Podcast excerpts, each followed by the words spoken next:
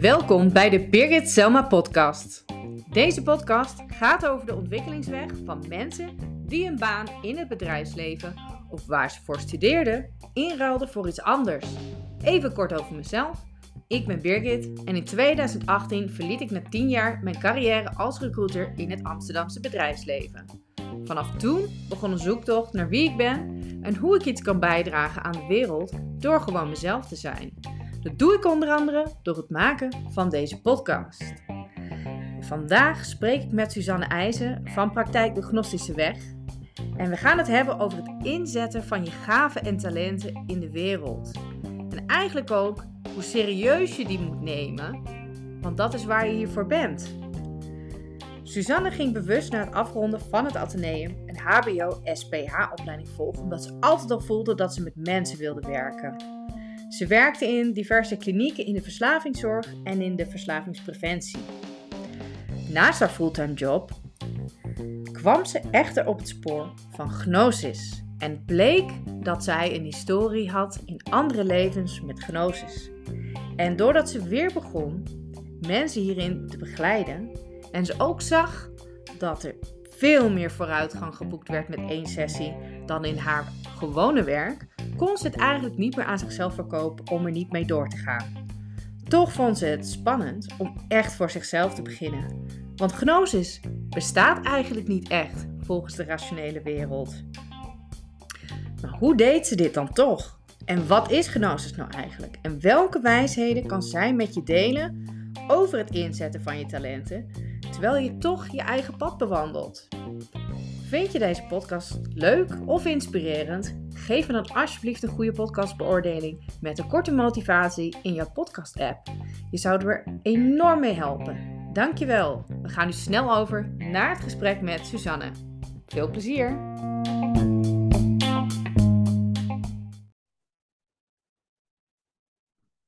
Hey Suzanne, hoi. Hey Birgit. Hi, goedemiddag. Nou, leuk om uh, elkaar te spreken in, uh, in deze podcast. Hè? Video en audio maken we.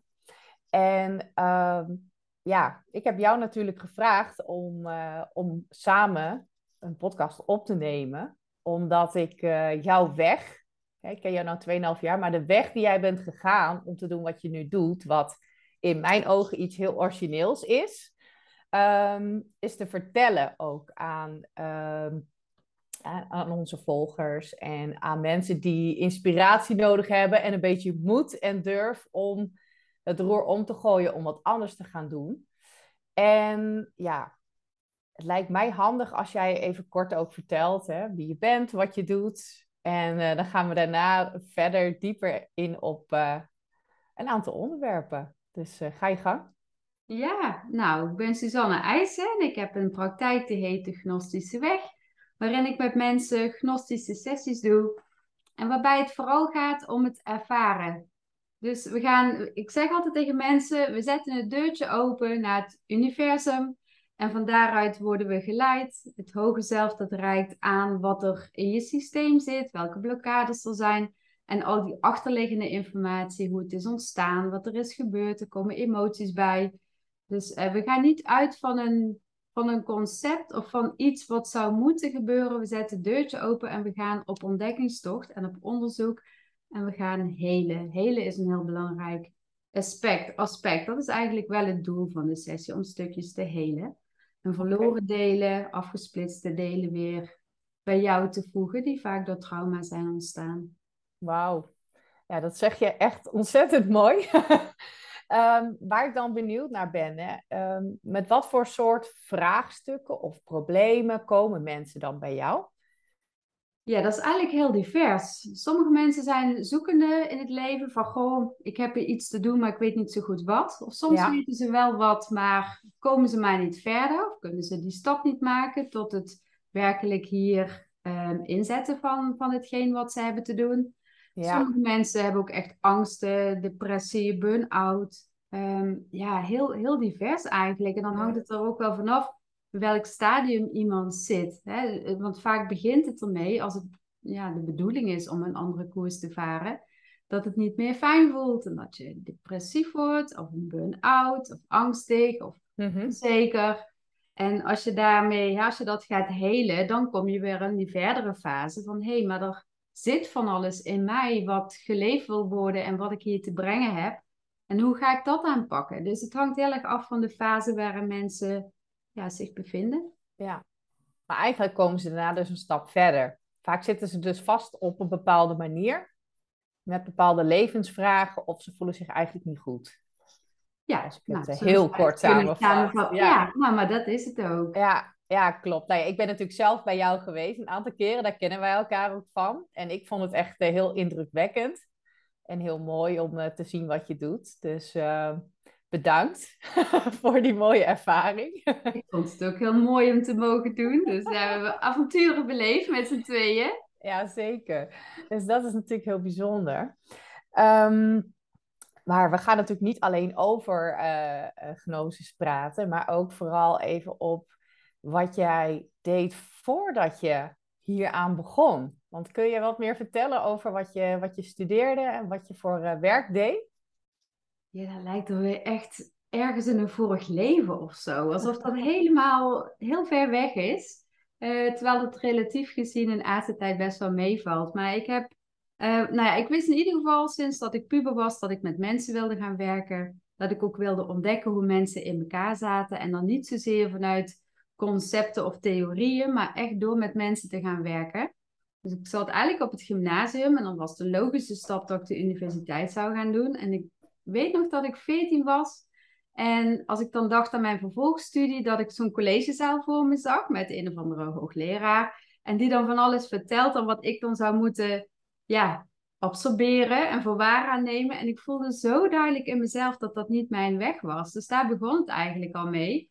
En dat ik het anders moest doen. En toen voelde ik ook van, nou, ik moet een HBO-opleiding gaan doen en zelf met mensen gaan werken. En daarin ja, daarin eigenlijk ervaren hoe mensen in elkaar zitten, zonder concepten of theorieën. Dus toen ben ik eh, HBO gaan doen, sociaal-pedagogische hulpverlening, heet nu social work. En ehm, ja, dat was wel een hele fijne opleiding, omdat je heel veel in de praktijk werkt. En ik wist ook, dat is wel heel grappig hoe het vaak werkt, als je dan wat bewuster wordt, dat je toch al een beetje voorbereid wordt. Ik wist ook toen ik die opleiding deed, dat ik op enig moment in een DBS-kliniek zou gaan werken en op asielzoekerscentra. Dat kwam zo binnen van, nou, da daar zijn in ieder geval de plekken waar ik moet gaan werken. Daar zal ik veel, uh, veel leren. En dat heb ik ook gedaan. Dus op beide plekken heb ik gewerkt. Maar het grootste gedeelte van mijn ja, vorige werkzame bestaan, zeg maar, mijn vorige loopbaan, heb ik in de verslavingszorg gewerkt. Uh, en de, preventie. Dus ik heb heel veel met jongeren gewerkt, met ouders, met docenten, um, ja, andere professionals. En vooral dat werken met jongeren vond ik wel heel fijn. Dus uh, ja, ik, ben altijd, ik heb altijd wel met mensen gewerkt en ik heb daar ook heel veel in geleerd. En dat komt me nu wel in mijn huidige werk van pas. Dus als mensen zeggen van, goh, ik ben met dit of dat gediagnosticeerd. Ik werk zelf helemaal niet met diagnoses, maar het geeft wel een klein beetje inzicht in hoe iemand zijn leven eruit ziet. Ik kan het wel wat beter plaatsen. En het is juist ook alweer heel fijn om vanuit een andere kant iemand te benaderen. Dus niet vanuit diagnoses. Dus doordat ik eerst heb meegemaakt wat voor mij heel vervelend was, wat ik niet fijn vond. Hè, de mensen bekijken aan de hand van diagnoses en wat ze niet kunnen. Heb ik zo duidelijk gevoeld wat ik wel belangrijk vind in mijn huidige werk. Um, en dat is ook dat contrast ervaren. Hè? Door juist te ervaren wat je niet fijn vindt, ook in je huidige baan. Dat, dat maakt je wel duidelijker wat je wel zou willen. Dus ik denk dat contrast altijd een functie heeft. Mm -hmm. En wat ik ook vaak zie, is dat mensen die van koers veranderen, dat ze ja, werk hebben gedaan waar ze later toch alweer iets aan hebben. Dus dat, daar hebben ze bijvoorbeeld iemand die in de communicatie heeft gewerkt en die zijn eigen bedrijf gaat opzetten. Ja, dat is heel handig als je die vaardigheden hebt. Dus alles wat je hebt geleerd, dat kun je wel weer toepassen in je nieuwe koers, zeg maar. Ja, ja mooi. Ja, dat, dat, dat heb jij ik. ook natuurlijk. Ja, ik heb heel veel mensen geïnterviewd als recruiter tien jaar lang. En nu, Ja. nu, interview, ik, eh, nu interview ik mensen in mijn podcast. En eh, ik spreek en help ze natuurlijk op een andere manier. Maar ik heb daar heel veel aan. Veel meer dan ik eigenlijk in eerste instantie besefte. Ja, dat begint me nu pas te dagen, hoe handig dat is en hoe, hoe, ehm, ja, hoe, hoe het je helpt om wat je nu dan doet beter te doen. Hey, um, jij ja, en wat ik, waar ik nog even oh, op wil ja? inhaken, is dat jij, je hebt wel eens verteld, dat- ja, je geeft al best wel heel lang duikles. En sommige mensen vinden dat best wel spannend, want ja, je, hè, je moet Mhm. je toch overgeven aan iets. En dat juist dat stukje, dat, dat jou dat zo goed ligt om mensen te ja, ondersteunen en te motiveren om toch dat stapje te nemen, om dat vertrouwen mee te geven bij dat duiken. Maar dat doe jij nu ook weer als eh, ja, in het werk wat je nu doet, in, in jouw Ja. begeleiding. Dan denk ik, ja, dat zijn, dat ligt misschien helemaal niet voor de hand, maar als je daarbij stilstaat, Ja. is het wel heel mooi. Dat klopt. Dus dat is een extra schakel met daarna die za- naast die zakelijke kennis en ervaring en het vele interviewen van mensen, maar ook inderdaad het lesgeven. En eh, ja, dat mensen mij moeten vertrouwen. Dus dat klopt zeker. Eigenlijk alles komt uiteindelijk weer bij elkaar, maar dan op een andere manier. Ehm, dus dat, dat is zeker waar. Hey, ehm, hoe lang heb je dat werk gedaan in de verslavingszorg? Eh, in de verslavingszorg was tien jaar en in de andere hulpverlening een jaar of zes, schat ik zo'n beetje in. Oké, dus eigenlijk zo'n 16 jaar ben je daarin actief geweest. Ja. En, en hoe begon je te merken dat jij toch iets anders wilde doen? Eh, ja, ik haalde steeds minder voldoening uit mijn werk. Ik, ik, hè, na zo'n werkweek, dan keek ik terug op die week en toen dacht ik van nou, al die tijd en energie die ik erin heb gestoken, ehm, het was heel dynamisch, maar het vroeg ook wel veel, maar het was wel heel afwisselend en leuk. Maar als ik dan kijk van nou, wat levert het nu eindelijk op? Wat, wat maakt nou het verschil in de wereld? Dan was dat naar mijn idee best wel minimaal. En dat, dat begon ik steeds meer te zien. En tegelijkertijd was ik enige jaren daarvoor al begonnen met zelfgnostische sessies te doen. En waarin ik zag hoeveel er veranderde als je dat innerlijk werk deed. Ah Als er een blokkade losging, hoe, wat een enorme shift dat teweeg kon brengen. En ik deed dat ook wel met een aantal mensen die ik kende. Dan deed ik ook sessies. Dus dat contrast tussen heel die werkweek, waarin ik me ontzettend inzette. ehm, en die ja, eigenlijk vrij weinig sessies, maar waarin heel veel veranderde. Dat contrast werd steeds groter. En toen dacht ik, ja, dit, dit kan ik niet meer voor mezelf verkopen. Ik vond het heel fijn om voor een werkgever te werken, heel veilig. Ik ben ook van sterrenbeeld stier, dus dat past Mhm. helemaal bij mij. Maar Ja. ik kon mezelf niet meer eh, in de spiegel aankijken. Ik dacht, nee, dat, dat, dit kan eigenlijk niet meer. Ja. En eh, kijk, het moment dat je dat beseft en dat je dan ook actie opneemt, dat zijn vaak twee verschillende dingen. Hè? Hoe, hoe lang heeft dat geduurd tussen haakjes? Nou, heel lang. Ja? Ja, ik denk dat ik voordat ik stopte, dat ik toch zeker al in twee jaar zo'n beetje aanvoelde van ja, dit is het niet. Maar Ja. het stap maken, ik vond het zo eng. Want ja, gnosis bestaat ook niet. Dus je valt nergens onder, onder een concept of beroepsvereniging. Of nee, je staat dan echt helemaal in je uppie. Dus ik heb dat heel lang uitgesteld. Maar goed, dan krijg je dus dat het universum gaat ingrijpen. Hè? Jouw, jouw energetisch team, jouw helpers, die gaan situaties creëren waardoor het steeds minder comfortabel blijft om in die ja, comfortzone te blijven. Mm. Er werden situaties ge- gecreëerd op mijn werk die echt enorm ehm, ja, extreem eigenlijk waren. Ik, ik werd gebombardeerd tot eh, ja, soort projectleider voor een project waarin ik van ons hele team, wat waren het, 20, 25 mensen, echt de allermeest ongeschikte persoon was. Ik denk, nou, iedereen had dit beter gedaan dan ik, want ik was daar nooit in, ik heb nooit in dat stuk gezeten in dat project. Dus Mhm. nou, dat, dat was ook één groot drama. Ik liep achter de feiten aan, maar ik moest dat blijven doen van mijn teamleider. En er waren een aantal ja, vrij extreme gebeurtenissen, ook, ja, ook heel verdrietig. Een suïcide van een moeder, die er echt wel heel erg inhakte. Dus er, Ja. er gebeurden zo'n extreme dingen, ook alleen bij mij hoor. Dat ik ook voelde van, ja, weet je, al die... Ik, ik probeerde dan op dat pad te blijven, maar iedere keer kwam er weer een soort slagboom van, ja, je moet hier stoppen, dit kan niet meer. Mm. Dus, Ja. eh, maar goed, dan nog, hè. Dus ik bleef toch maar dapper doorbikkelen. Dus mijn doorzettingsvermogen is ook een valkuil. Mensen zo. Totdat ik echt weer in een herfstvakantie helemaal op apengapen lag. En dat notabene mijn vriend zei van... Goh, zou je toch niet moeten stoppen en voor jezelf beginnen? Ja, en ik had het wel even nodig dat iemand anders dat zei. En hij zei het en ik voelde in alles, ja, het, het kan niet meer anders. Dus ik, ik moest het wel even horen. Maar toen viel het kwartje en toen, ehm, Ja, toen, toen heb ik ook snel mijn baan opgezegd. En vanaf toen ging het ook snel. Maar het heeft even geduurd. ja. Maar wel fijn dat je dan een partner hebt die dat eigenlijk dan op een gegeven moment zegt van, joh, moet je dit toch niet gaan doen? Dat je die steun had, hè? Ja, want ik zie heel veel vrouwen in de praktijk eh, Mhm. die ook wel iets anders willen, maar waarbij de partner, hè, zeker als het iets spiritueels is, waarbij die partner er eigenlijk ja, weinig mee heeft of het een beetje vreemd vindt of zelfs Mhm. afkeurt. En dan is het wel heel lastig. Dus de- ja, ik was Ja. heel blij, want het was best wel een heel zwaar pad, maar hij heeft altijd, heeft me altijd gesteund. En ja, dat, dat, ja, ik denk, als zonder hem weet ik ook niet of ik het had volgehouden hoor. Het was echt wel zwaar. Ja. Ja. Kun je daar iets meer over vertellen? Want hè, gnosis bestaat niet tussen haakjes. Ondertussen begint dit langzaam toch wel een begrip te worden in Nederland, dankzij jou. Maar hè, Ja, eh, onder andere mij. ja, Ja, wa- wat het lastig maakte, kijk, die sessies doen, dat, dat, ja, dat, dat ken ik al heel lang. Hè? Dat heb ik al heel veel levens gedaan. Dus dat is peanuts. Het is het allermakkelijkste voor mij.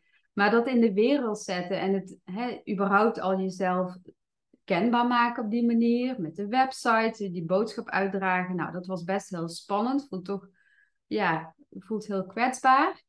Ja, En eh, hoe ga je mensen bereiken met iets wat er nog niet is eigenlijk, op deze manier dan, hè, wat nog niet bestaat. Dus ja, ik kan briefjes ophangen bij de supermarkt, maar dat was nooit zo succesvol. Dus je moet, hoe, hoe bereik je de mensen die hierbij passen, die hier ook klaar voor zijn? Dus dat Ja. was, vond ik een heel moeilijk stuk. En dat kost tijd.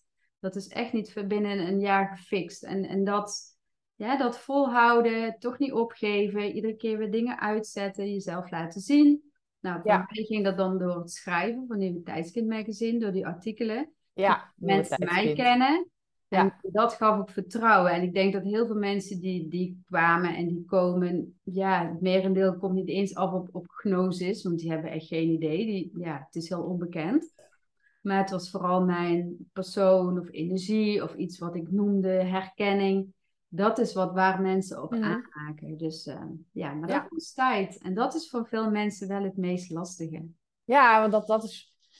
Als ik naar mezelf kijk, ik, ik had best wel wat dingen goed, goed voor mekaar, waardoor ik makkelijk kon stoppen, maar toen had ik echt nog geen idee. En als dat niet het geval was, dan was ik misschien nog ook wel wat veel langer doorgegaan met mijn baan als recruiter.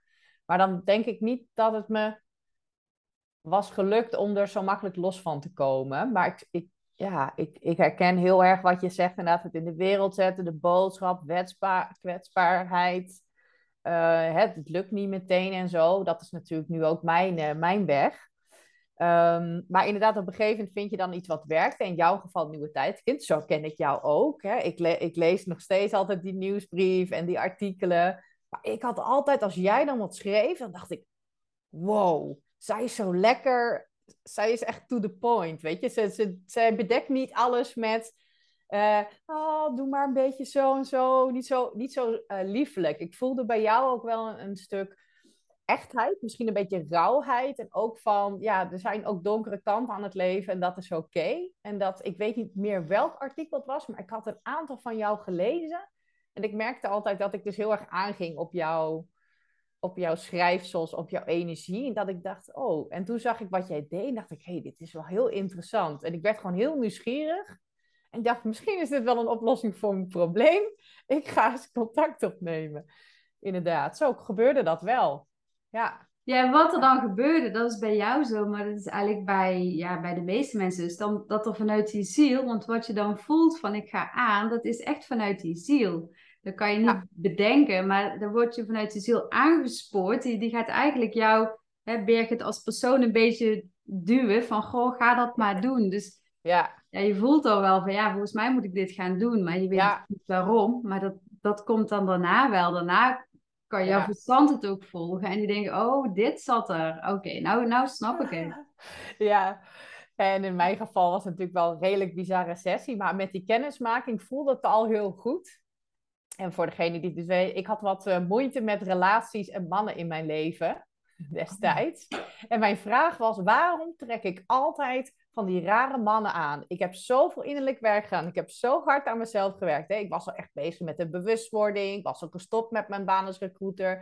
Ik had al een aantal dromen in vervulling gebracht. En ik was heel erg bezig om ja, eigenlijk mezelf te ontwikkelen en mijn bedrijf op te zetten. En ik denk, ja, krijg, ik denk ik dat ik iemand normaal heb, heb ik weer zo'n raar iemand. Een beetje een andere vraag dan de meeste, maar ik had zoiets van, dit zegt iets over mij.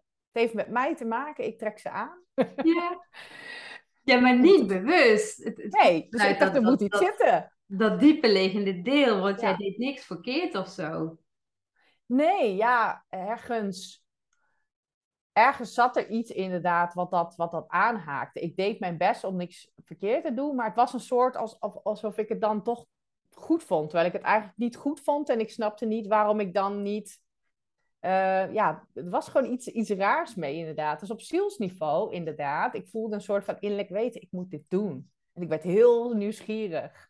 Ja. Ja. Dus ja, dat is degene die je was, die, die, die wilde ook echt gezien worden door jou. Dat jij echt wel jouw jouw krachten en jouw kwaliteiten dat, van nu. Want er zijn heel veel parallellen met degene die jij in dat vorige leven was. En met degene die jij nu bent. Jouw kracht en jouw, ja, ook wel een soort leiderschapskwaliteit. Voorop lopen, uh, vertrouwen. Anderen ook vertrouwen geven, de moed geven. Denk, ja, het past zo bij wat jij nu doet. Hè? Het mhm. werk wat jij doet, het, ja, dat is hetzelfde, alleen in een andere vorm. Ja. Maar dat is wel heel mooi. Dan denk ik, ja. dat is heel gaaf dat je die, ja, dat dat, dat ook allemaal weer, weer meer naar boven is gekomen, maar ook bewuster. Ja, je voelde die kracht al. Want toen ik jou de eerste keer sprak, was je al vol vuur. Dat ik dacht, wow, wie is dit? en later werd het duidelijk. Maar, denk, ja. dat, maar toen was die kracht nog ja, wat meer onbewust. En, en, op een gegeven moment kan je het plaatsen. En toen ben je het heel bewust gaan inzetten. En dan denk ik, ja, dat, dat is wel echt heel mooi. Ja, ja, precies. En voor degene die nu kijken of luisteren en denken, nou, wie was zij dan? Ik zal er later in een podcast, als ik genoeg moed heb verzameld, misschien wat meer over delen. Het is nogal een apart verhaal. Dus ik ben daar toch altijd wel iets voorzichtig mee. Uh, hè, en ik heb het natuurlijk wel uh, vrienden, vriendinnen, mijn vriend, mijn huidige vriend, een leuke man, ja, die ik daarna heb ontmoet. Um, verteld. Hè? En, en sommige mensen denken van misschien van het zal wel, maar ze, ze vinden het wel een heel interessant verhaal en zo. Maar soms ga ik dan zelf ook weer twijfelen. En toen vroeg ik laatst nog aan jou, en dit is misschien een mooi hoe weet ik nou of ik dat wel echt was, of het wel echt klopt? Vroeg ik aan jou nogmaals. Hè? En, en kun je daar iets meer over vertellen hoe dat dan zit?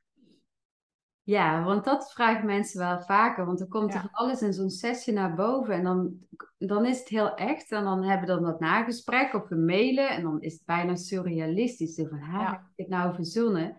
Maar je weet of het ja, echt is als er emotie bij komt. Als jij iets ziet in een sessie of, of voelt en er komt ineens een enorm verdriet of heel veel angst of ja, heel veel emotie vrij, dat is uit, uit die tijd, dat lag in je opgeslagen, dan weet je dat het echt is. Want als jij iets zou verzinnen, ja, dan zou je niks bij voelen. Dus ja, en dat jij daarna ook heel veel uh, details over die periode en die persoon ook terugzag hè? In, in boeken en films. Dat je van, hé, hey, oh, maar het klopt dus wat ik toen in die sessie heb ervaren. Dat bleek dus ook echt zo te zijn. Ja. Het was zoveel bij elkaar, dat, ja, dat je het... Ja ja, dan wordt een puzzeltje compleet eigenlijk. Ja, ja hè? Ja, want ik weet dat ik zo hard heb gehuild toen ik eenmaal toen zei, weet je al wie je bent? En ik probeerde dat te ontwijken, maar ik hoorde al de hele tijd uh, die titel in mijn hoofd. En ik dacht, nee, nee, nee, dat kan niet. Mijn ego wilde er echt onderuit, hè? die wilde dat niet. Die dacht, dit, je kan dit niet bedenken, dit ben jij niet.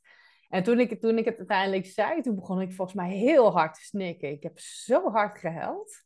Ja, ja, ja, dan weet je, dit is spot on. Dit, ja, ja, dat zie je niet. Ja, het was wel echt een bizarre sessie. En denk ik ook een van jouw eerste, meer apartere sessies, of niet? Dat jij ook echt... Ja, dat het zo helder was. Dat gebeurt, Vaak zien mensen wel iets in het vorig leven, maar dat het zo gedetailleerd was, ja. dat is niet altijd zo. En dit was wel uh, ja, heel bijzonder. En ook omdat het iemand was met ja, meer invloed in het verleden. Hè? Het was niet zomaar een koopman of zo, maar wel iemand met meer ja, invloed in wat er in de wereld is gebeurd.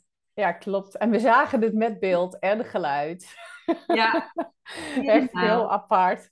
En je weet ook of het echt is als we allebei hetzelfde zien. Want dan, ja. eh, ik haak aan en dan noem ik iets van, goh, ik zie dit, of ik voel dat, of ik zie hè, het specifieke kenmerk, of ik zie een boot, of iets wat dan ook, hè.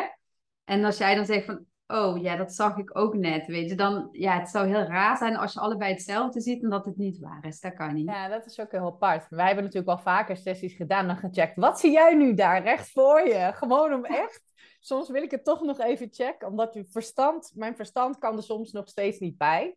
Maar dat is helemaal oké, want het verstand wil alles begrijpen en, en zo zit het niet. Heb ik ondertussen wel geleerd in alle jaren dat ik uh, mezelf aan de slag ben. maar ja, dat je dan zegt, ja, ik zie dat, ik zie dat. Dan denk ik, nou ja, oké, het klopt. Bizar, hè? Ja, het is echt heel bizar. Dus als je nu luistert en kijkt en denkt, waar hebben ze het over? En je wordt nieuwsgierig, gewoon een keer proberen. Maar ja, het is echt bizar. Wij zaten gewoon in een Zoom-call en met onze ogen dicht. Nuchter, hè? Nuchter. Geen uh, stimulerende middelen, even voor de duidelijkheid. En op een gegeven moment begon er echt een, eh, een film te draaien. Ja, ja. ja, dat, is, heel bizar. bizar. Ja. ja. Hey, um, heel even terug naar een aantal topics die wij natuurlijk graag wilden aantikken met betrekking tot uh, jouw tips eigenlijk. Hè? Als je dus op een punt staat in je leven dat je wat anders wil gaan doen, dat je al voelt van dit is het niet helemaal meer. Bijvoorbeeld als je in het zakenleven werkt of iets doet waarvoor je hebt gestudeerd, zoals jij. En je maakt dan die omslag. Uh, wat zou jij graag aan diegene willen meegeven die nu op dat punt staat? Um, nou, weet je, het, het, verlangen om een andere weg in te slaan en dat je al voelt wat beter bij je past, dat is er niet zomaar. Als het niet de bedoeling zou zijn dat je daar iets mee gaat doen, dan zou je het ook niet voelen. Ja, dat is heel simpel, mm. maar zo werkt het gewoon. Hè? Als jij voelt, ik wil heel graag voor mensen zorgen en hè, ik zou in de zorg willen werken, ja, als dat niet de bedoeling is, iemand die um, in het zakenleven wil werken, ja, die voelt dat niet. Dus die heeft mhm. andere zaken die die voelt. Dus als je iets voelt, dan is dat altijd een diepere aansporing. Wat ik ook mee zou willen geven, als we het idee hebben dat we een ander pad mogen bewandelen, dat je hoeft niet gelijk in de actie. Uh, je mag ook, ja, je mag het in de week leggen en ik noem ook altijd energetisch bouwen. Dus ga er zo voor fantaseren, ga het visualiseren, zie het eens voor je, hoe zou het voelen? Ga er eens over lezen, heb het er met iemand over. Wees wel heel voorzichtig met wie. Want als het mensen zijn die zich daarin helemaal niet kunnen verplaatsen. of die heel erg van de veilige weg houden. die kunnen daar afbreuk aan doen. Hè? Dus je bent dan al een beetje kwetsbaar in het begin en wiebelig. Het voelt al spannend. En als je het dan gaat bespreken met iemand die daar helemaal niks mee heeft. dan denk je: oh nee, het is ook een heel stom idee. Dan laat je al heel gauw daarin meenemen. Dus wees heel zorgvuldig met wie je het wel en niet bespreekt. Meestal niet je ouders dus. Dat, die fout maak je als je wat jonger bent. Dat deed ik altijd en die praten alles uit mijn hoofd. Ja, dus, die uh, anders, hè, die willen uh, maar die zijn dat je goed terechtkomt, hè? Ja, nou, dat is het precies. Dat is precies waarom we heel vaak de dingen niet doen waarvoor we hier zijn. Hè? Want daar zei jij uh, tijdens de voorbespreken, zei je ook nog iets heel moois over de gaven en talenten van mensen. En dat het daar wel echt de bedoeling is dat je daar wat mee doet. Kun je daar wat meer over uh, vertellen nog? Ja, ik zie gaven en talenten wel als een soort kostbaar geschenk wat je in je meedraagt. En wat ook wel de bedoeling is om dat weer te geven aan de wereld. Dus jij hebt het, maar jij mag het ook aan de wereld geven. Ehm, misschien zou ik het bijna nog iets sterker stellen. Dat, het ook wel de dat je ook wel de verplichting hebt om er iets mee te doen. nou ja, hè, op enig moment, dat hoeft nog niet nu. Dat mag ook over vijf jaar of tien jaar als je er nog niet aan toe bent. Maar het is belangrijk om die uh, serieus te nemen. Want wat, dat zie ik ook vaak bij mensen. Hè? Dan hebben ze een talent ach, en dan poetsen ze dat een beetje aan de kant. Van ja, nou ja, iedereen kan wel iets. Maar dat is zo zonde. Neem jouw talent serieus of de gave die je hebt. En ja. Ehm, ga dat niet zomaar een beetje bagatelliseren. Dat, dat, dat is echt zonde. Nee, want we zijn allemaal juist anders. Om een reden. Anders zouden we allemaal wel hetzelfde zijn, toch? Precies. Ja, we zijn allemaal gelijkwaardig, maar niet gelijk. Iedereen heeft weer iets specifieks wat hij hier mag brengen. En ja, dat is wel belangrijk dat je dat ook uh, op enig moment doet. Ja, precies. Dat, is, dat vind ik een hele mooie boodschap, want dat wordt vaak ook door elkaar gehaald. Steeds meer en meer. We moeten allemaal hetzelfde, we moeten allemaal hetzelfde zijn. Daar heb ik eerder ook een podcast over genomen en heb ik gewoon een boekje open gedaan wat ik daarvan vind. als je afwijkt, als je anders denkt, als je ergens niet aan mee wil doen, wie dan ook degene is die die regel maakt, uiteindelijk ben je niks verplicht. Hè? Zoals jij zegt, het is verplicht tussen haakjes, niks is verplicht, maar jij, ja, je voelt wel dat je met jouw gave iets wil doen. Alleen het is de, hoe goed luister jij naar iemand anders dat je het blijft onderdrukken. Maar als je echt naar jezelf gaat luisteren en met de juiste mensen praat, dat zeg ik ook altijd bij de mensen die ik begeleid, van pas op met wie je dingen deelt. Want. En hierbij een klein reclameblokje. Zit jij nou in een goede baan waar je niet gelukkig in bent of geen vervulling in voelt? En vind je het fijn om hier eens over verder te praten? Kijk dan even op mijn website birgitselma.com of stuur me een bericht via social media. Alle links om contact met me op te nemen staan in de beschrijving bij deze podcast. Ik kijk er naar uit om je te spreken. Nu terug naar de podcast. mensen vinden het vaak heel onveilig als jij verandert. En ze hebben daar meer tijd voor nodig dan jij nog om daaraan te wennen. Dat is het ook, ja. Het is voor mensen om je heen, die voelen zich er dan ook weer oncomfortabel bij. Of die hebben dan misschien ook het idee dat ze iets anders moeten. Maar dat hoeft helemaal niet. Nee. nee. En soms dan inspireer je mensen wel. En dan uiteindelijk gaan ze wel veranderen. Maar ook op hun manier en hun dingen. En probeer ook niet als, als jij dat, dat zie ik ook vaak. Dan hebben mensen gezien, oh, dit helpt heel goed. En dan gaan ze het andere mensen ook opleggen. Maar ja, weet je, dat, dat werkt ook niet. Zoals ik zeg, nou, gnosis kan je heel goed helpen. Sommige mensen zeiden, van, wie ik dat heb verteld, van, oh, dat, dat voel ik ook, dat wil ik ook doen. Hè? Zo zijn ook een aantal mensen via mij bij jou gekomen. En andere mensen denken, heel leuk, maar niet voor mij. Dat is me veel te gek. Ja. Nou, dat is zo belangrijk dat mensen daarna luisteren. Ja, ja. absoluut. Dat vind ik ook. En wat ik nog wel me afvroeg ook, hè, want jij werkt ook wel volgens mij veel met mensen die in de zakelijke wereld werken. Mm Zie je daar nu ook meer dan bijvoorbeeld tien jaar geleden dat mensen daar meer bewust worden en ook andere keuzes gaan maken? Nou, dat is grappig dat je dat zegt. Ik, had, uh, ik was um, een paar een maand geleden ongeveer, nee, anderhalf maand geleden was ik uh, even weer op, op mijn favoriete eiland Rodos om heel even te werken als duikinstructeur 2,5 week. En toen kwam ik iemand tegen uit mijn eigen oude bedrijf. Oh. En die stond eigenlijk op het punt dat hij er klaar mee was, dingen begon te zien. Na zo'n 4,5 jaar, hè, zo lang heb ik ook bij dat bedrijf gezeten. Het is gewoon heel hard knallen. En het heeft echt wel iets leuk, maar op een gegeven moment ga je een beetje de saus zien en dat het steeds hetzelfde is. En die was, nou, ik moest diegene gewoon tegenkomen. We zijn helemaal niet dikke vrienden of zo. Dat was echt nog een heel. Uh, jong iemand. Hè? Ik was al een van de meer senior mensen. Dat was toen nog een heel jong iemand. Nou, zo senior ben ik nog niet, zoals je ziet. Maar hè, dat zegt al wat over, over hoeveel jonge honden daar werken. En die begon toch wel te zien, ja, zijn toch wel andere dingen dan dit. En ehm, ook mensen al die al ja, wel twintig jaar in de finance wereld werken, zakenwereld, die zeggen, ja, ik zou toch gewoon weer vrij willen leven, meer wat vaker in het buitenland willen zitten, ehm, niet altijd naar kantoor moeten. Eigenlijk, eigenlijk voelt dat helemaal niet fijn voor me. Ik, ik, hoor, ik hoor het allemaal in hele kleine stapjes. Maar ah. ik vond dat echt, uh, ja, ik vind dat wel inspirerend. Dat gaf me ook wel voor mezelf het gevoel van, hé, hey, ik doe hier toch iets. De boodschap begint toch door te komen of zo.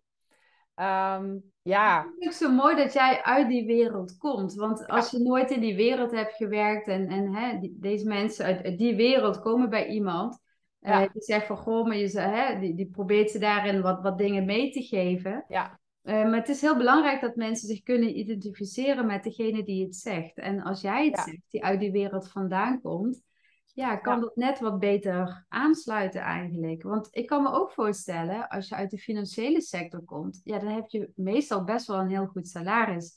En als je iets anders gaat doen, ja, de meeste banen, en zeker als je iets spiritueels gaat doen, ja, die, die zijn nou niet heel lucratief. Zeker niet in het begin, misschien later wel. En ik kan me wel voorstellen dat wel voor veel mensen een obstakel is. Want je moet best wel wat laten. Hè? Het is niet meer vanzelfsprekend dat je heel veel geld tot je beschikking hebt. Ja. ja, weet je, het is gewoon zo. De salarissen zijn over algemeen goed. Je moet er ook wel wat voor doen. Maar als je een soort van als jij in de pas blijft lopen als de, als de soldaat, zo zeg ik het altijd maar, dan krijg je dat bedrag. Misschien niet je variabel als je net niet helemaal goed uh, erbij drumt. Ja. Maar dan is de basis nog steeds best lekker. Maar vaak leef je ook wel een lifestyle die meer geld kost, omdat jij heel weinig vrije tijd hebt. En weinig tijd hebt voor jezelf te zorgen en andere keuzes te maken. En uh, hè, op die manier. Um, laat ik het zo zeggen, als alles energie is, even spiritueel gezegd. Als je op die manier doorgaat, ontvang je meer geld, maar je geeft ook vaak meer geld uit. Uh, maar je betaalt op een andere manier. Ik betaalde met mijn gezondheid. Ik betaalde met mijn geweten. Ik betaalde met mijn levensenergie. En op een gegeven moment voelde ik ook van, ja, dit kan eigenlijk gewoon niet meer. En in wat jij zei, dan komen er steeds meer hindernissen op je weg. Zoals bij mij eerst probeerde ze me eruit te werken, overleefd, ging heel goed. Toen ik op de toppunt stond, dat ik dacht, nou, nu gaat het echt gebeuren. Binnen no time eh, kom ik nu zoveel stappen omhoog naar director. Ja, toen ineens, mijn vader was al acht jaar ziek, toen viel die om. Kon niet nog even een jaar wachten. Nee, weet je, zoals een vriendin van ons zegt, het is divine timing. Ja. het was ergens goed voor. En toen heb ik nog twee jaar gestruggeld dat, om, om daarin te overleven. Maar ja, toen was het toch wel, begon het toch wel vervelender te worden. En ik werd ook niet goed begrepen. Toen kon ik dat niet meer. Ik kon het niet meer aan mezelf verkopen. Dat is, nou, dat is precies wat ik ook. Je kunt het niet meer aan jezelf. Het voelt niet meer lekker. Dus dat is misschien ook wel fijn voor mensen om te weten. Als je in een baan zit waarin eigenlijk, hm, waarin het een beetje wringt, uh, maar je voelt nog niet van, nou, nou moet ik eruit. Nou, gun jezelf nog de tijd tot het wat, wat ja, erger gaat worden. En je wordt er toch wel uitgekieperd. Omdat je het zelf niet meer fijn vindt. Omdat omstandigheden wat doen. Uh, maar ga wel, dat zou ik dan wel adviseren, intussen al ook een beetje bouwen aan dat andere. Of, of hè, daar al wat ja. dingen beleven, over lezen. Dus dat je vanaf de ene ijsschots wel kunt overstappen op de andere. En dat er niet alleen maar een oceaan is en je in dat ijskoude water valt en denkt, oh god, wat nu? Maar probeer al een je beetje... duiken, hè? Dat is prima. Ja. wat ik heb gedaan. Nee, klopt. Ja. Ik begon ook al, ik las al jaren boeken van Esther Jacobs, die was digital nomad. En niet per se dat ik digital nomad word, maar ik vond het interessant omdat ze dingen anders deed. Net als Timothy Ferris van de 4-Hour Workweek. En die mensen die deden iets anders. En met wat ze deden, was heel interessant. En, en toch, doordat ze heel erg hun eigen weg gingen, gingen ze daar geld mee verdienen. Ik dacht, ja, daar moet ik iets mee. Dat is interessant.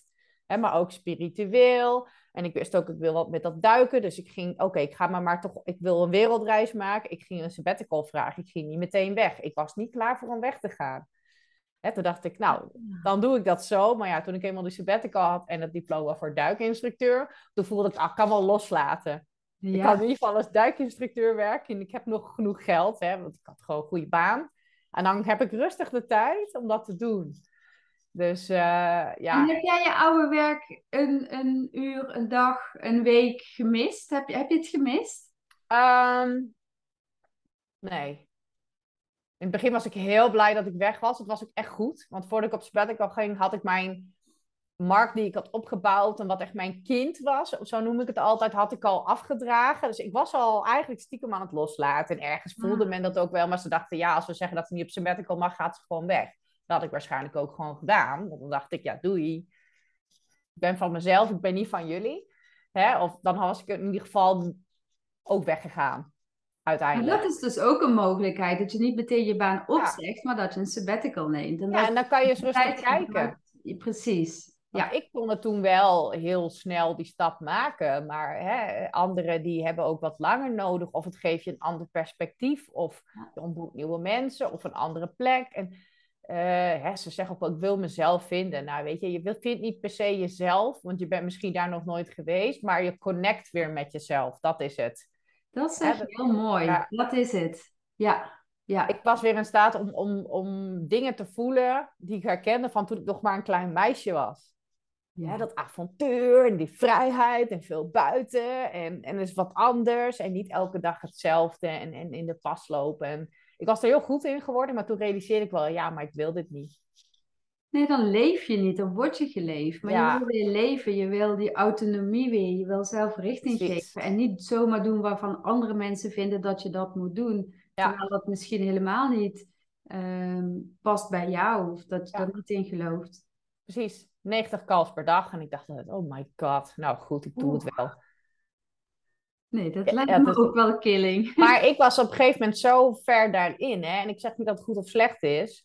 Maar het past eigenlijk helemaal niet bij mij om de hele tijd maar dat te initiëren, initiëren. Maar ik deed dat wel, omdat ik gewoon... Uiteindelijk gaat het voor je werken en bellen mensen jou ook. Maar in het begin is dat heel zwaar. Weet je wat het lastige is? Jij deed iets waar je wel goed in was. En heel vaak denken mensen, nou maar hier ben ik wel goed in. Dan denken ze dat dat het dan ook is. Maar dat is niet altijd zo. Je kunt een fantastische verpleegkundige zijn. Ja. En toch voelen, ja, maar dit is het niet. En, en misschien dat je wat, wat je wel die kwaliteiten wil inzetten, maar dan bijvoorbeeld meer holistisch wil werken, ik noem maar wat. Ja. Maar het is echt een valkuil als je, want ik was ook goed in mijn werk. Ja. Jongeren en, en, en nou, dat, dat wat. Ja. ik dacht, en wat het ook is, ehm, als je ergens goed in bent, ik denk dat het ook belangrijk is om te kijken, maar wat kan ik, wat anderen uh, ja. niet kunnen, of wat maakt mij nou anders? Kijk, en met die jongeren werken, die verslavingszorg, ja, er zijn heel veel mensen die dat kunnen. Dat hoef ik echt niet per se te doen. Er zijn ja. genoeg. Maar die gnosis, ja, dat zit al heel lang in mijn systeem, al vele levens. Dat, dat is iets wat ik me al lang heb eigen gemaakt. En wat, wat mij onderscheidt, wat, wat ik juist uh, in de wereld kan zetten. Dan denk ik, ben ik dat wel verplicht, vond ik zelf. Ja, ja, mooi.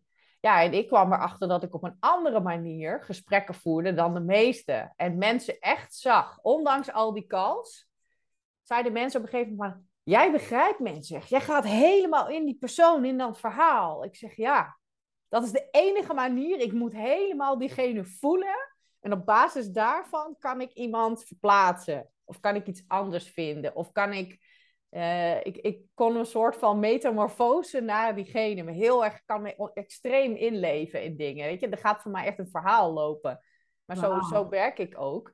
Dat besef ik me nu, nu je dat zegt. Dan zeiden mensen altijd, ja, jij... Ik praat ook altijd heel hard, weet je. Ik ben niet te missen, hè. Ik heb een beetje dat, uh, nou ja, uh, bepaald charisma ook wel daarbij. En dat had niet iedereen. De meesten waren wel gewoon zo snel mogelijk die belletjes maken en dingen. Maar mensen zeiden op een gegeven moment, maar ik wil alleen met jou praten. Want jij snapt mij echt. Want ik had ook hele mensen die hele moeilijke jobs hadden, heel technisch. En dan zeiden, zeiden mijn collega's ook, ja, jij snapt wat ze doen. Hè? Ik snap echt niet wat voor soort market risk dit is en hoe dit dan zit. Nee, want je hebt wel eens verteld over mensen uit de bankenwereld en wat zij dan deden. Nou, dan haak ik na twee zinnen en denk nou, ik heb echt geen flauw vermoeden wat mensen doen. En zo de meeste recruiters, maar ik niet. Hetgene dat hield mij heel lang zoet, omdat ik dat is dan heel interessant en ik kan daar dan helemaal induiken en dat helemaal onderzoeken en dat ik dat dan snap. En dan wist ik, oké, ik snap het beter dan mijn concurrenten nu ga ik winnen. Ik wil altijd winnen. Goed onderzoeken en winnen. Dan ja. op die manier. Ja, weet je, eh, dat is gewoon. Je hebt natuurlijk altijd concurrenten voor, voor de jobs die je werkt en voor de bedrijf met wie je zaken doet. En dan moet je elke keer toch weer laten zien dat jij dan toch anders was.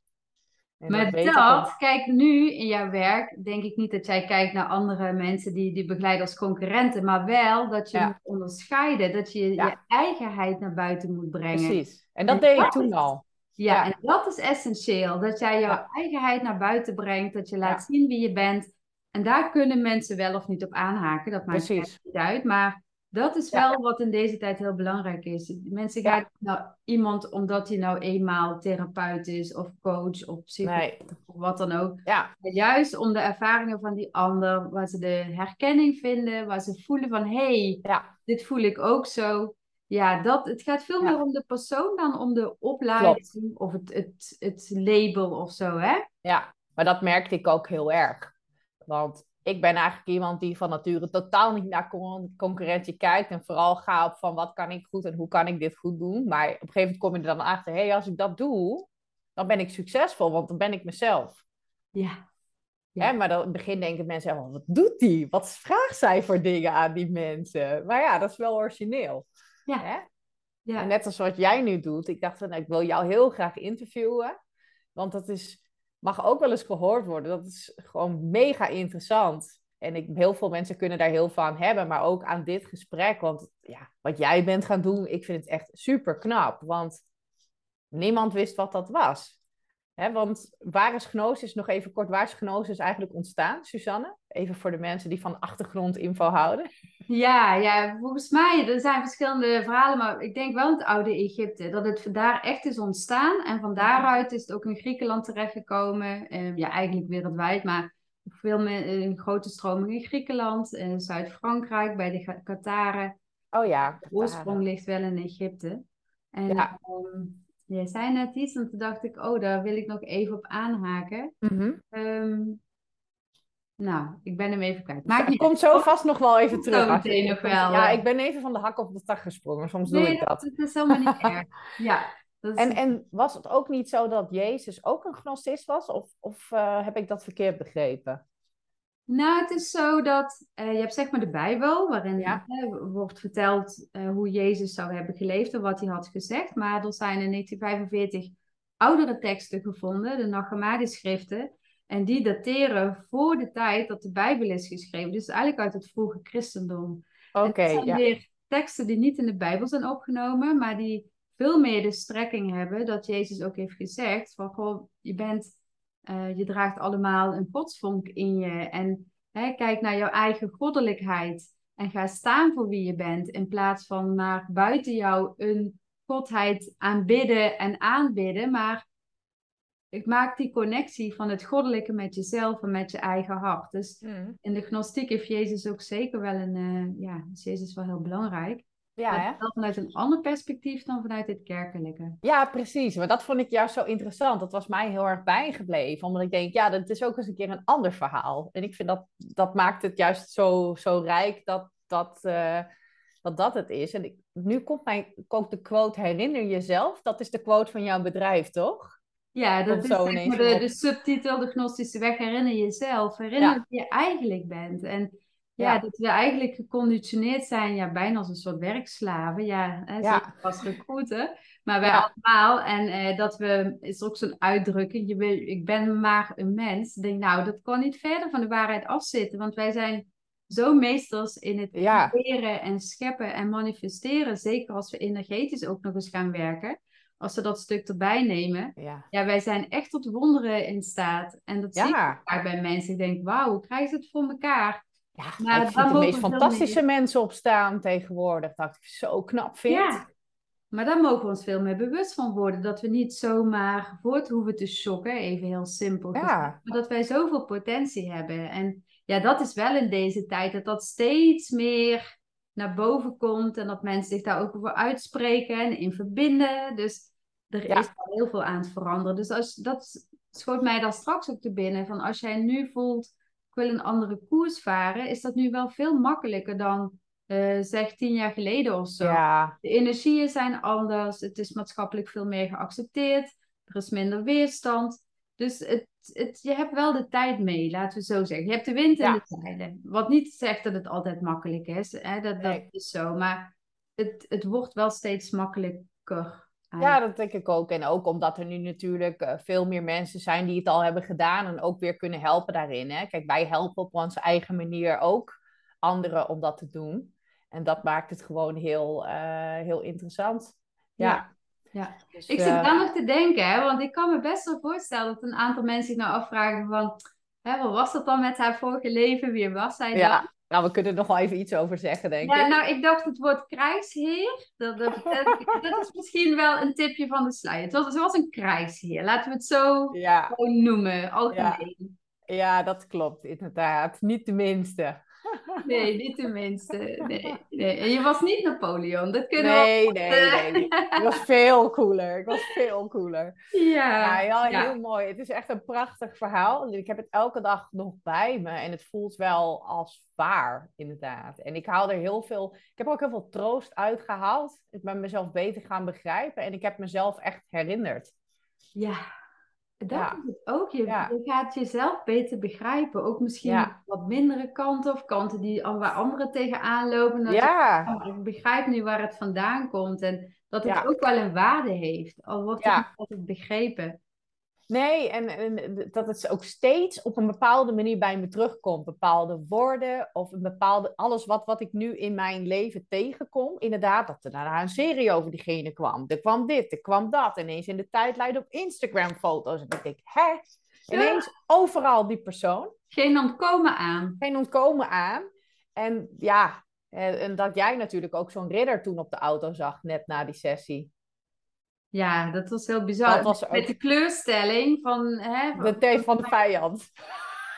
Dus, en, want ik dacht ook, want eh, voor mij zijn sessies altijd heel realistisch, maar deze was best wel uitzonderlijk. Dus ik Ja. dacht ook daarna, ik zat in de auto, en dan zit je in het gewone leven en dan denk je, nou ja, Wat was we dit hebben nou? bij elkaar gefantaseerd met z'n tweeën. Dit was wel echt heel... Ik, Ja, jij had het ook, hè? Dat was echt bizar. Dus ik, Ja. op het moment dat ik me dat afvroeg, ik stond voor het rode stoplicht, ik zie me nog zo staan en ik dacht, nou, was het nou wel echt? Komt er een vrachtwagen voorbij, precies met de ridder, met die kleurstelling. Ik dacht, ja, dit is de bevestiging. Zo van, ja, nee, je hoeft niet te twijfelen. Dit, dit was het. En ik Ja, wilde eigenlijk een foto van maken, maar dan is ja maar je mailde mij dat meteen terug. Wij hebben daarna hoe echt zitten mailen. Ja, Maar dat is ook wat het universum doet, hè. En dat is Ja. misschien ook nog wel mooi om even te noemen voor mensen die eh, van koers willen wijzigen. Dat je het niet alleen hoeft te doen. Je hoeft het niet alleen vanuit je aardse ik te ehm, bewerkstelligen. Je wordt ook geholpen. Je krijgt mensen op je pad. Je krijgt signalen op je pad. Nou ja, het boek Mhm. De Alchemist van Paulo Coelho, daar gaat er ook over. Maar je wordt echt ondersteund. Er worden situaties gecreëerd. eh, soms situaties die je totaal niet voor mogelijk had gehouden. Dus je dacht, nou, hoe bestaat dit? Dat kan eigenlijk niet, maar het gebeurt. ja, Als je ergens aan gaat verbinden en een soort startsein geeft naar boven van jongens, oké, ik ben er klaar voor. Vraag hulp, maar je, je gaat het echt krijgen. Ze gaan jou echt helpen om het, ehm, ja, om het te, te manifesteren. ja, Niet misschien gelijk, hè? soms duurt het best wel een tijd. Dus ja, divine timing. Ehm, soms is degene die jou met een stukje moet helpen, is daar zelf nog niet klaar mee, waardoor, waardoor die ontmoeting nog wat langer duurt. Dus je kunt niet verwachten, nou binnen een half jaar, hup, dan staat het. Want dat is vaak niet zo. Maar ehm, er zullen wel dingetjes op je pad komen dat iedere keer weer een beetje vertrouwen geeft. Van, oh ja, Mhm. fijn. Oh, kijk, nou, ik word toch geholpen. Dus Ja. dat, is, dat, is, eh, Ja. dat is echt zo. Mooi dat jij dat boek eh, De Alchemist noemt. Ik ben onlangs natuurlijk gaan samenwonen en ik pakte mijn boeken, mijn doos met boeken uit.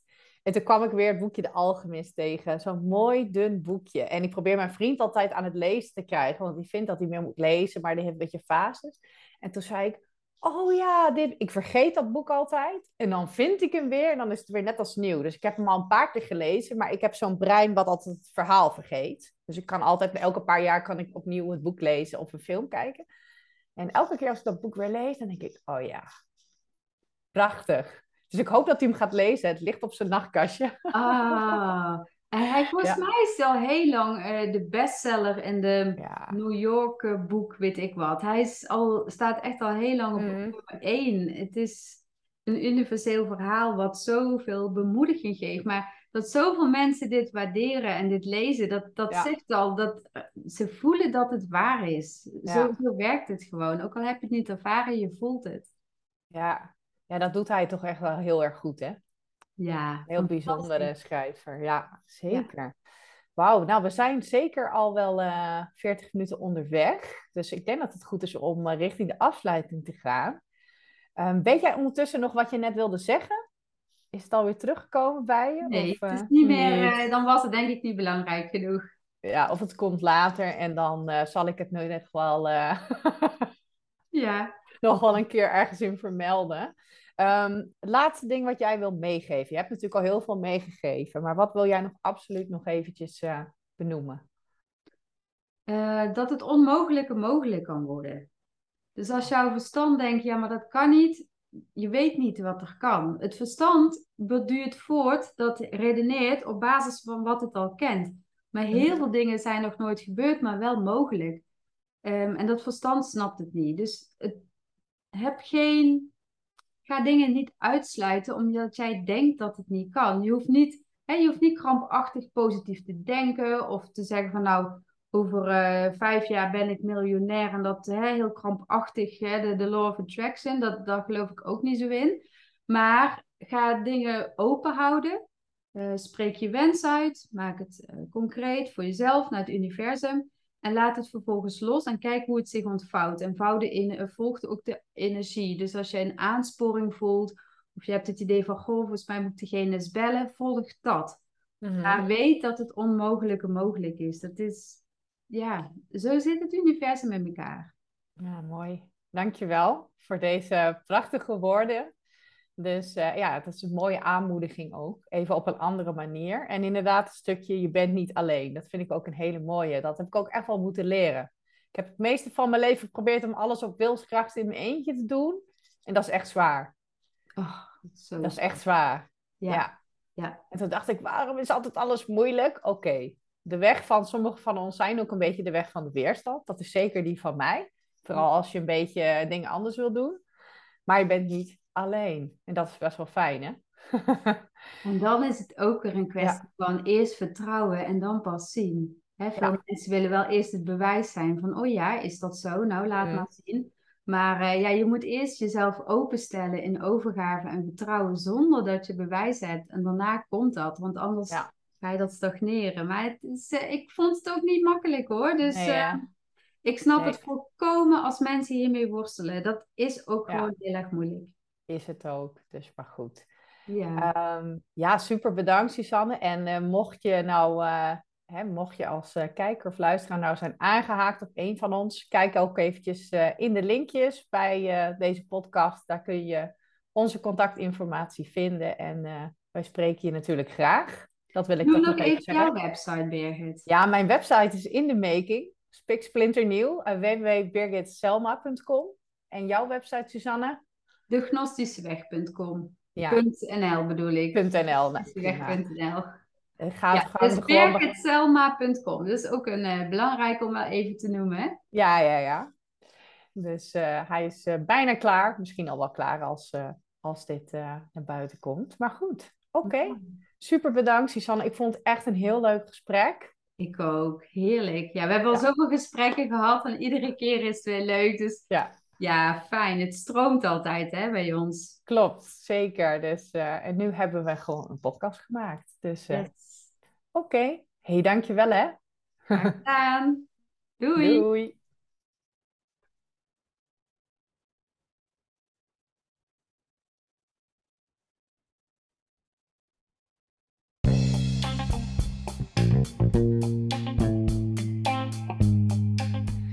Dankjewel voor het luisteren naar deze podcast met Suzanne. Ik hoop dat ze jou net zo heeft geïnspireerd zoals zij mij altijd doet. Ben je nou benieuwd naar wat zij doet? Neem dan vooral even een kijkje op haar website. Die staat in de beschrijving eh, van deze podcast.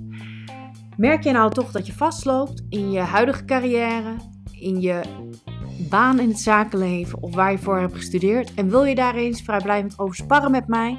Dat kan zeker. In de beschrijving bij de podcast vind je mijn website birgitselma.com en ook uh, de overige mogelijkheden om contact met mij op te nemen. Dankjewel voor het luisteren en tot de volgende podcast.